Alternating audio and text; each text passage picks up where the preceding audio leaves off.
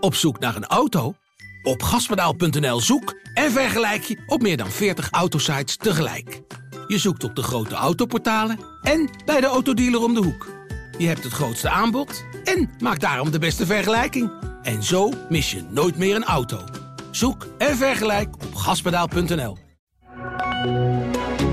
Dit is de AD Voetbal Podcast met Etienne Verhoef. Champions League avond met een affiche. Ajax leeft op onder Heitinga. Wat is er nou precies aan de hand? Van der Looy weg bij Jong Oranje en het is onrustig aan de dijk. Dit is de AD Voetbal Podcast van 15 februari met Johan Inan.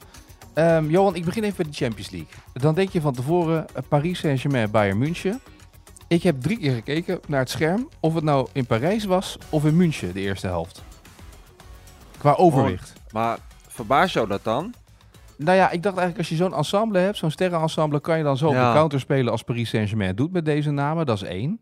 Ja. Eh, en twee, ehm Bayern München was wel heel erg overheersend toch in deze wedstrijd, Ja. de eerste helft. Nou, ik kijk, kijk daar niet zo van op, omdat beide clubs zijn eigenlijk na de winterstop niet heel goed begonnen. Eh, Paris zelfs dramatisch. Goed, Ja. weet je, je hebt een paar blessures gehad en dan zie je dat, dat het meteen ehm, stukken minder wordt. Bayern krabbelde wel op met, met een paar zeges. Maar ehm, ja, Paris, dat is ook gewoon nog steeds loszand. En dat zie je in deze wedstrijd, zie je dat heel goed terug. Op het moment dat ze, ik noem eens wat, tegen een eh Angers, dan zijn ze automatisch dominant. Maar ehm, tegen een ploeg ehm, eh, als Bayern München, die al jaren meedraait in de Europese top, eh, met topspelers en ook echt een, echt een speelplan, dat, dat geënt is op, eh, op aanvallen, ja, dan, dan zie je wel dat ze heel moeilijk het spel kunnen maken. En ik vroeg me tijdens de wedstrijd ook af, zijn ze daar nou heel rauwig om? Die indruk had ik ook niet, want ook dat is Paris. Die hebben achterin een paar klasbakken, voorin een paar klasbakken. Dus, en die, die klasbakken voorin denken van, ach weet je, we hebben achterin Marquinhos, Ramos staan. Die Nuno Mendes kan wel rennen, Hakimi raast het snel. Die komen er wel uit en wij, wij krijgen ons moment wel. Dus dat is het ook een beetje. En ehm, ah, goed, ze hebben nu de laatste jaren eigenlijk elk jaar een andere trainer. En er is er eigenlijk niet eentje die er echt een geoliede eh, aanvalsmachine van, eh, van weet te maken. Nee. En, Bayern München speelt ook niet heel goed. Hè? Want je ziet wat daar nog fout gaat in passing. Heel simpel Ja. over een paar meter. Dat je ja, denkt, ik, ik vind dat Bayern ook de, met de trainerswissel. Ik geloof dat het ehm, eh, 2021 was, hè? Dat, Ja. dat Hansi Vliek eh Joachim Leu opvolgde. En dat ze bij eh, Nagelsman uitkwamen. Notabene voor 20, 25 miljoen euro bij, eh, bij Leipzig eh, weggetrokken. De duurste trainersverkoop ooit. Maar ehm, vooralsnog zou ik niet zeggen dat hij dat geld waard is. Want ik vind niet dat ze er beter of, of, machtiger van, van zijn geworden. Er was ook heel veel kritiek. En de kritiek is vooral in het geval van, van Nagelsman dat hij er te veel systeem op nahoudt. Te veel switch met, met de formaties. En, ehm, en dat dat je niet ten goede zou komen. Nou goed, als je, als je ze ziet spelen. Het is niet, we hebben een periode gehad bij Bayern. Ze zijn natuurlijk tien keer op rij eh, kampioen geworden. En de laatste Champions League die ze wonnen was dan ook toevallig tegen, ehm, tegen Paris Saint-Germain met de winnende goal van eh, Kingsley Coman. Ja, dan, dan wist je gewoon, die gaan het veld op en het wordt 4, 5, 6 en misschien wel 7-0. Maar die tijd is niet meer. En, en ehm, eh, dat, dat zie je ook terug in, ehm, in de stand, waar Union Berlin ze tot op één punt eh, is genaderd. Ik denk, ik zal even het bruggetje voor jou, ehm, voor jou bouwen. Van de Ajax zou je zeggen, ja. Ah, nee, natuurlijk, ja. Nee, dat, eh, dat is een mooi bruggetje om te bouwen. Nee, maar dat is, het, is, het is opmerkelijk dat... eh, ik, ik had het er gisteren met Maarten ook over. Het zijn twee ploegen die op papier, op affiche, denk je wauw. Maar allebei struggelen ze heel erg. Ja, dat klopt. En ehm, De twijfel heb ik niet weggenomen deze avond. Nee, en, en ehm, goed, Paris heeft zich volgens mij redelijk gedijs gehouden op de, ehm, op de transfermarkt. Daar moest Ziyech de laatste dag nog bij komen. Dat, dat is dan niet gelukt. Treurig voor de speler zelf vooral. Ik begreep dat, dat zijn moeder al aanwezig was, dat hij al in zijn pak klaar stond om gepresenteerd te worden. Maar die documenten die kwamen niet, ehm, niet op tijd in orde. Maar verder hebben ze voor, ehm, voor Paris begrippen zich gedijs gehouden. Bayern heeft natuurlijk met, met Blind en, ehm, en Joao Cancelo nog twee verdedigers erbij, eh, erbij gehaald. Verdedigend staat het ook wel, ook wel redelijk. Alleen, ehm, ja, aanvallend. Het, lijkt wel of ze meer moeite dan ooit hebben met, eh, met het maken van, van doelpunten. Ja, dat is waar. Goed, eh, je maakte net het bruggetje al eh, naar Union Berlin. Dat is de achtervolger van Bayern München in de Bundesliga. De tegenstander van Ajax in de Europa League. Ehm, leg me even het verschil. Want jij volgt Ajax al, al- altijd voor het AD. Wat is het verschil de afgelopen maand bij Ajax? Wat, wat, wat zie je gebeuren nu bij Ajax? Is, het, is, het weer, is de glimlach weer terug of wat? Ja, die, die lach die is sowieso terug. Die was al vrij snel terug. En ehm, ja, dat heeft denk ik vooral te maken met duidelijkheid. De trainer is, is helder. Dat, dat zie je terug in, ehm, in vooral de, eh, de formatie die hij die, ehm, die die heeft samengesteld. Met, met een vaste opstelling. Tegen RKC heeft hij voor het eerst gewisseld. En dat was noodgedwongen omdat Steven Bergwijn geblesseerd was. En, en dan zie je dat het elftal, zag je in de eerste helft tegen RKC nog niet meteen terug. Ook omdat Conceição, eh, die ging op de positie van, van Bergwijn spelen. Dus dat ging een beetje ten koste van automatisme. Maar de wedstrijden daarvoor, zeker tegen Cambuur, zag je al dat Ajax echt weer ouderwets frivol combineerde. En, en dat de spelers er weer, er weer zin aan hadden. En ehm, wat ik ook wel, daar hadden we het voor de wedstrijd met, met collega's ook een beetje over. Ehm, op een gegeven moment, ik kwam Steven Bergwijn ook tegen. Ehm, eh, dus, dus die dat hij last had van zijn bovenbeen. En, en dan, ja, dan, dan ben je benieuwd, want je ziet de opstelling. Dus dat vervangt hem, maar daar had Heitinga verschillende eh, dingen kunnen doen. Hij kon uh, naar links halen, Kudus in, de in de spits doen. Of hij, eh, hij kon Conceição op, op links zetten, waar we hem nog niet hadden zien spelen. En, en dat die per deze trainer ook weer. Achteraf kun je stellen van, dat was geen heel gelukkige keuze. Maar ik vond het ergens ook wel goed en dapper dat hij gewoon Conceição op links neerzet. Omdat de andere tien spelers uh, in, in hun huidige rol gewoon uitstekend functioneerden. Dus dat is een beetje de duidelijkheid die hij, um, uh, die hij in die selectie heeft gebracht. Iedereen kent zijn rol. Nou goed, weet je, er zijn, er zijn wat uh, spelers die het kind van de rekening zijn geworden. Brian Brobby is er daar één van. Aan de andere kant, die weet ook waar hij aan toe is. Die begint op de bank en, en moet zich van daaruit, zal hij zich weer in het, in het elftal moeten, moeten knokken. En ik vind dat, dat Heitinga, dat zie je ook in de wissels terug, die, hij past echt logische wissels toe. Dat zag je bij, bij Twente al.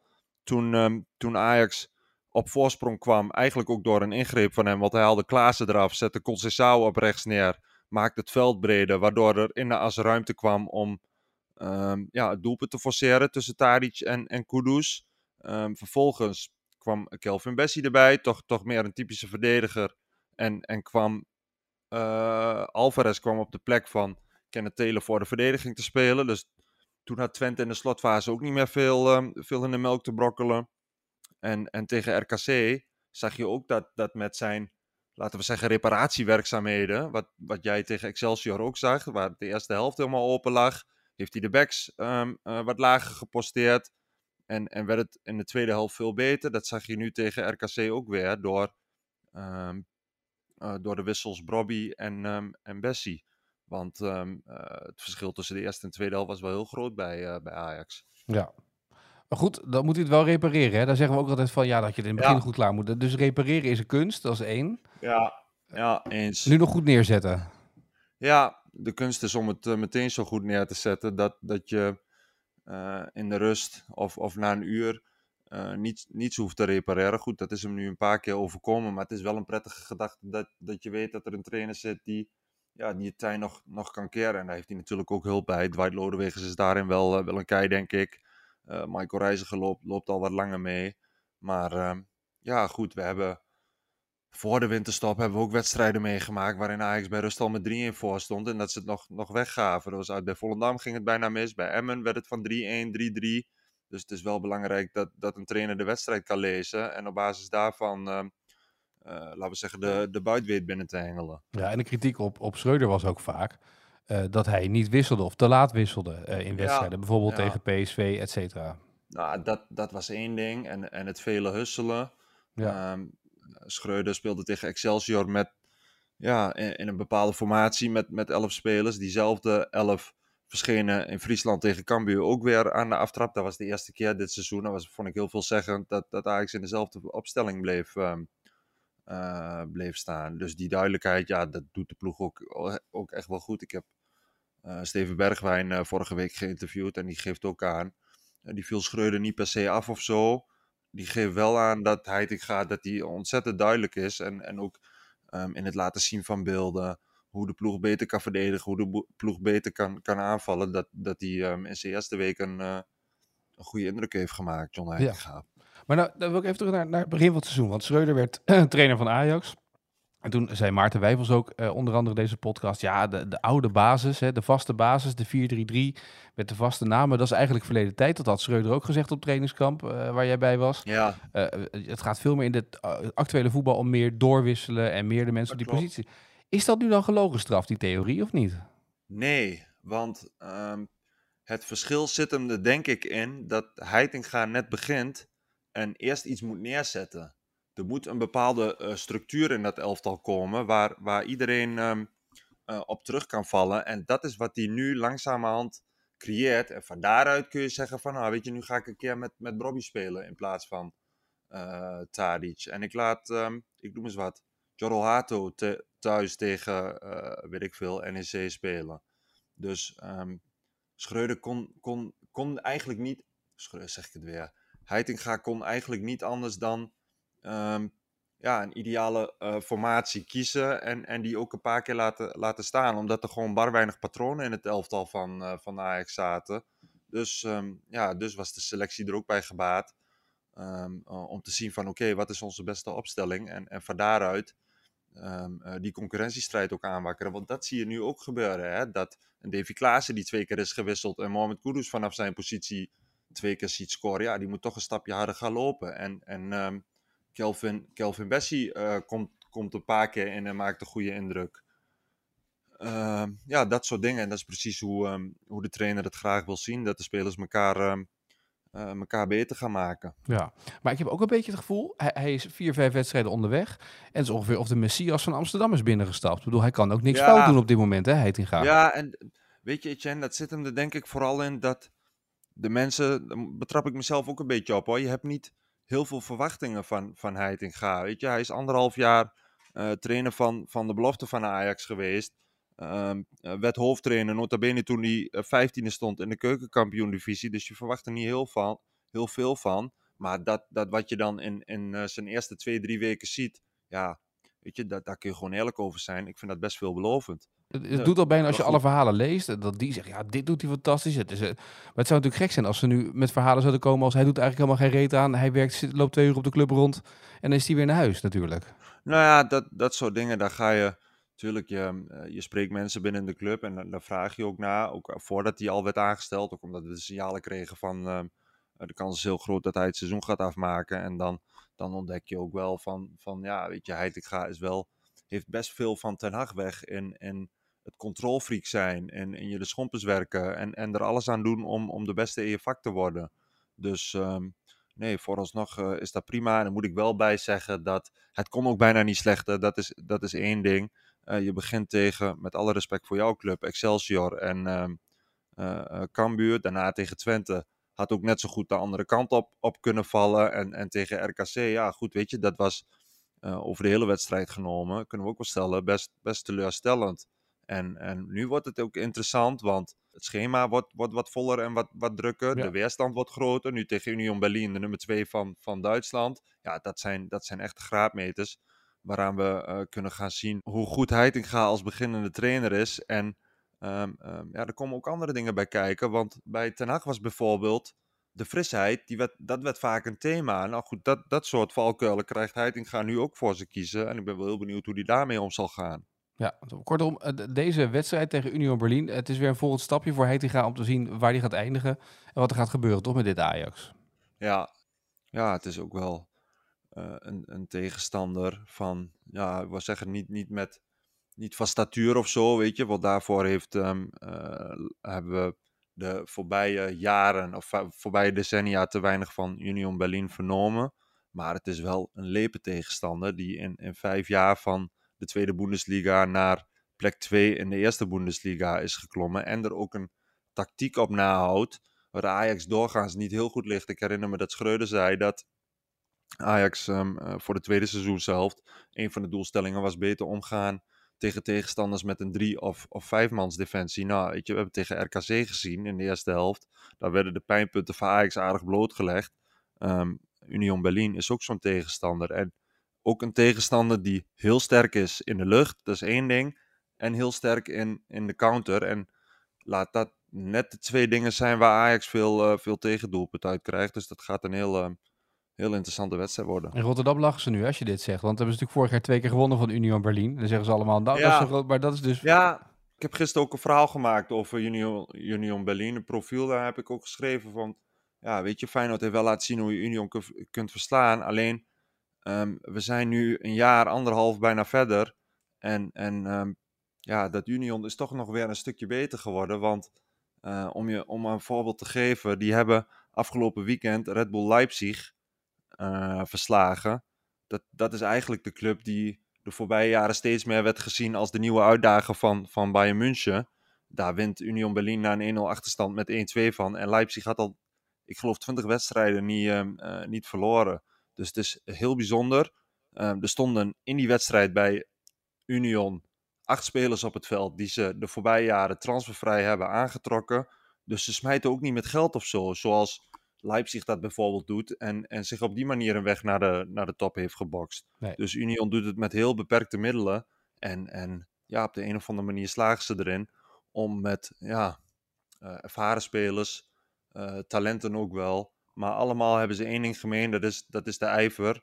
Ze kunnen, eh, ze kunnen lopen als paarden. En, en het werkt gewoon ook omdat ze een trainer hebben die er al, al zes jaar zit. En, ehm, en weet hoe die een stug helft al moet bouwen. Nou goed, we gaan dat eh, donderdagavond zien. En dan speelt PSV trouwens tegen Sevilla. En nog even een uitstapje maken naar Jong Oranje. Dat volg je ook eh, op de voet voor het AD. Van der Looy weg als eh, bondscoach bij Jong Oranje. Was je verbaasd na vijf jaar? Nee, nee, ik was ehm, wat verbaasd toen hij na de eerste cyclus, na het EK in, in, ehm, eh, in Hongarije en, en Slovenië, zijn, zijn contract verlengde. En dat zit hem er denk ik vooral in, kijk, bondscoach van Oranje, oké, maar ehm, Van der Looy is een vrij jonge trainer, met, met ambities ook wel. En dan vind ik het best knap als je eh, na een EK met Jong Oranje, nadat je het eigenlijk best goed hebt gedaan, want de jaren ervoor kwalificeerden ze zich nooit meer voor, eh, voor een eindtoernooi. Ehm, hij bereikte de halve finale, heeft wat jongens ehm, eh, eh, geholpen naar de stap naar het grote Oranje ook. Ik kan me voorstellen dat je dan al snel weer met, ik wil niet zeggen vrije tijd of zo, maar dat je het clubvoetballen dagelijks op het veld staan met de spelers eh, heel erg gaat missen. Dus ik had toen al zoiets van, ik moet nog zien of hij zijn contract gaat verlengen. Dat deed hij wel. Dan spreek je hem zo nu en dan ook. En, en dan weet je wel van, dit, dit gaat hij niet... ehm, dit gaat hij niet tien jaar doen. Dus, dus in die zin kwam het niet, ehm, niet als een hele grote verrassing. Nee. Dus er worden nu de vraag een beetje, wie gaan ze bij de KNVB halen? Mooie klus voor Nigel de Jong, toch? Die mag dit gaan oplossen. Ja, Gelijk zijn ja, eerste... ik, zag wel, ik zag wel dat Marianne eh van Leeuwen werd opgevoerd in het persbericht. Dat vond ik dan wel weer...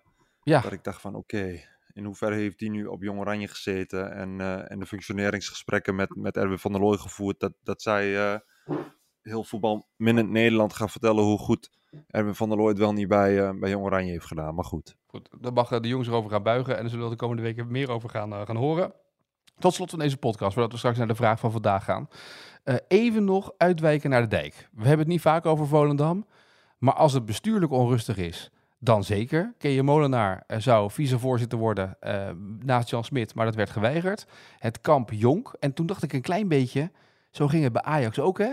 Het kamp Jonk wordt nu een beetje door, het huidige, eh, door de huidige raad van commissarissen een beetje weggebonjourd. Het is, het is hommeles in de top van de club. Ja, al, al is nou niet gezegd dat Jonk weggebonjourd wordt. Hè. Het kan nee, maar zijn adviseren dat. hij, Ze adviseren dat hele kamp Jonk Ja. onderuit te zetten eigenlijk. Hè? Ja, om, het, om, om, om de contracten niet ehm, te verlengen. En ik weet het niet, Twan, maar ik, krijg de, ik vind het allemaal heel schimmig bij, bij Volendam. En ik moest ook denken aan het begin van het seizoen, dat ik even op een rij eh, wilde en moest zetten eh, tegen wie alle eredivisionisten zouden, zouden oefenen. Ik denk, zal eens een kijkje op de site van Volendam eh, nemen. Maar er stond helemaal niks. En nu ook weer, er vertrekken twee bestuursleden en er wordt gewoon helemaal geen melding van gemaakt. Dat je denkt van, ja, weet je, hoe bestaat zoiets? En, Ja, en precies. ehm, 9 maart geven ze uitleg, hè, zag ik. 9 maart. Ja, 9 maart is even misschien leuk voor de agenda. Want ik weet niet eh, hoe jouw schema eruit ziet dan. Maar misschien kunnen we met z'n allen, dagje uit. In de Jozef, om 7 uur. Tekst en Nou ja, uitleg. als ik, als ik eh, Volendam een tip mag geven, dan zou ik niet alleen het technisch hart en het bestuur opnieuw inrichten, maar ik zou de mediaafdeling ook even, even van een impuls voorzien, van een kwaliteitsimpuls. Want tot 9 februari, dat is over vier weken, ja, weet je, dan, dan geef je de media eigenlijk aanleiding om, om verder in de club te gaan, eh, te gaan zitten graven. En dan komen er nog veel meer eh, verhalen naar buiten waar, waar je als club zijn er niet op zit te wachten. Dus ik denk dat het vooral zaak is voor de club om niet tot 9 maart te wachten, maar ehm, eh, eh, deze week en anders uiterlijk volgende week ehm, even opheldering te verschaffen. En, en dat ben je sowieso je achterban ook ehm, verschuldigd, want die is behoorlijk eh, ongerust inmiddels. Ja, nou, dat, dat begrijp ik ook omdat het financieel natuurlijk, als je kijkt naar de financiële positie Ja. van, van de club, het eigen vermogen zou volgens de boeken geslonken zijn tot iets meer dan 12.000 euro. Dat is natuurlijk wel weinig om een miljoenenbedrijf Ja. op te laten drijven. Nou ja, dan noem je een paar dingen. Hè? Een bestuurscrisis, ehm, eh, een financiële crisis.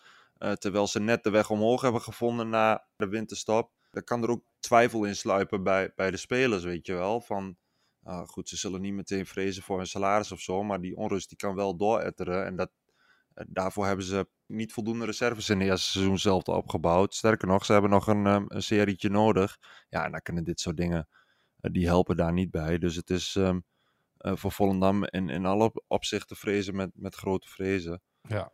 Al zag ik wel dat eh, voorzitter Jan Smit nog positief is. Hè? Want hij zei, als je als RBC-lid niet snapt waar we mee bezig zijn... dat wij miljoenen euro's aan spelerswaarde aan het ontwikkelen zijn... dan heb je het gewoon niet begrepen. Toen dacht ik, ik weet niet welke speler van Volendam... maar binnenkort een miljoenentransfer kan verwachten. Maar, Ik, ehm, ik kan hem ook zo 1, 2, 3 eh, niet aanwijzen. nee. maar ze zijn bezig met het ontwikkelen een- van Er miljoenenwaarde. is eentje die ach- achterin is wel aardig. Hè? Die jongen die geloof ik ook bij Arsenal Ja. in de jeugd heeft gelopen. Maar kortom, het onrust. En uiteindelijk weet je, als dit blijft en lang blijft... gaat het doorcijpelen naar Ja. beneden. Toch? Ja, ja, dat is vaak wel, ehm, wel een garantie in het voetbal. Het zorgt gewoon voor afleiding. En, en die afleiding zit hem erin dat, dat spelers er nu weer naar gevraagd gaan worden. Zich erover over gaan lopen ergeren. Dat het intern ook weer een thema wordt. Eh, mensen elkaar erop op aanspreken. En dat leidt, leidt gewoon af van, van de core business. En dat is het voetbal. Daar moet alles over gaan. En daarom zeg ik ook, het is voor de club heel belangrijk om hier eh, heel snel pers voor een, eh, eh, een uitnodiging te sturen en een opheldering te verschaffen over, over de koers die eh, de club voor de korte en, eh, en lange termijn wil gaan, eh, wil gaan varen. Ja. Ik ben benieuwd eh, wat ze gaan doen eraan. Of dat ze het zo laten voorlopig. Kan natuurlijk ook hè, dat ze denken, laat maar zitten. We willen het eerst oplossen. Ja. Je weet het nooit eigenlijk. Ehm Volendam dus, eh, eh, ja, daar is het onrustig aan het dijk. Zullen we tot slot van deze podcast eh, gaan naar de vraag van vandaag? Ben je er klaar voor? Zullen we De moeten, hè? vraag van vandaag. Oké, Maarten had gisteren een hele mooie vraag voor je. Hier komt hij. Het is in Nederland een keer gebeurd dat een speler ehm, per ongeluk zeg maar, de bal eh, in het doel schoot terwijl hij hem wilde teruggeven na een blessurebehandeling aan de keeper. In welke wedstrijd was dat en welke speler ging het om? Nou, dat was natuurlijk de aanleiding van die wedstrijd van Rangers FC, waar dat gebeurde in de Schotse eh, Cup. En nou Ja. weet ik dat jij volgens mij op Twitter geholpen bent. Dus eh, wist je het van tevoren of niet? Nee, nee? Nee? zo, zo eerlijk ben ik ook, had ik niet geweten. Nou, met dank dus aan jouw hulplijn. Mijn hulplijn heet Jesper Slierendrecht, Jepse Dino. Dank daarvoor. Jesper Dino weet dat ehm doelpunt te maken Jan Vertongen was.